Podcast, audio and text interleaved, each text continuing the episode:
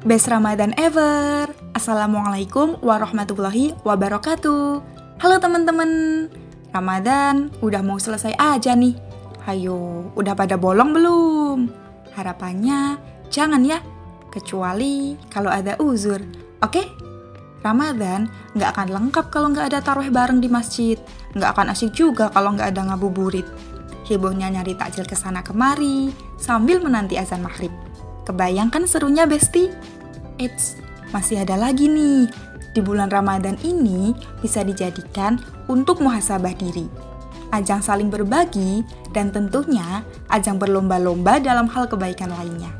Semoga Ramadan kali ini Allah izinkan kita semua menyelesaikan bulan Ramadan ini dengan penuh cinta. Dan semoga pertolongan Allah bersama bulan Ramadan menjadikan kita menjadi orang-orang yang beruntung memanfaatkan Ramadan dengan sebaik-baiknya. Amin. Kak ini punya sesuatu nih. Bisa banget buat charger iman di bulan penuh berkah ini. Amalan apa aja sih yang bisa kita lakukan di bulan Ramadan? Ada yang tahu nggak nih? Oke, Kak Ni kasih tahu ya. So, stay tune. Jadi, amalan apa aja sih yang bisa menambah keberkahan di bulan Ramadan ini? Yang pertama, menyegerakan waktu berbuka. So, jangan ditunda-tunda ya. Yang kedua, perbanyak sedekah. Walau sedikit, yang penting bersedekah. Yang ketiga, perbanyak membaca Al-Quran. Jadikan target tiap harinya. Misal nih, one day, one juice. Yang keempat, menjaga lisan. Daripada ngomongin hal yang gak penting, mendingan perbanyak istighfar yang kelima, melaksanakan sahur. Jadi, hukum sahur sendiri adalah sunnah bagi kita untuk melaksanakannya.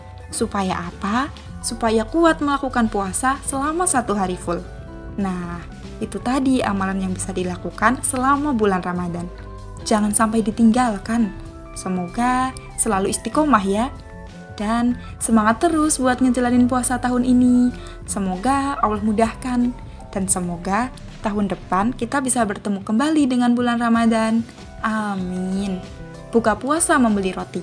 Belinya naik Toyota. Sekian dari Kak Ni, tetap semangat puasanya. Wassalamualaikum warahmatullahi wabarakatuh.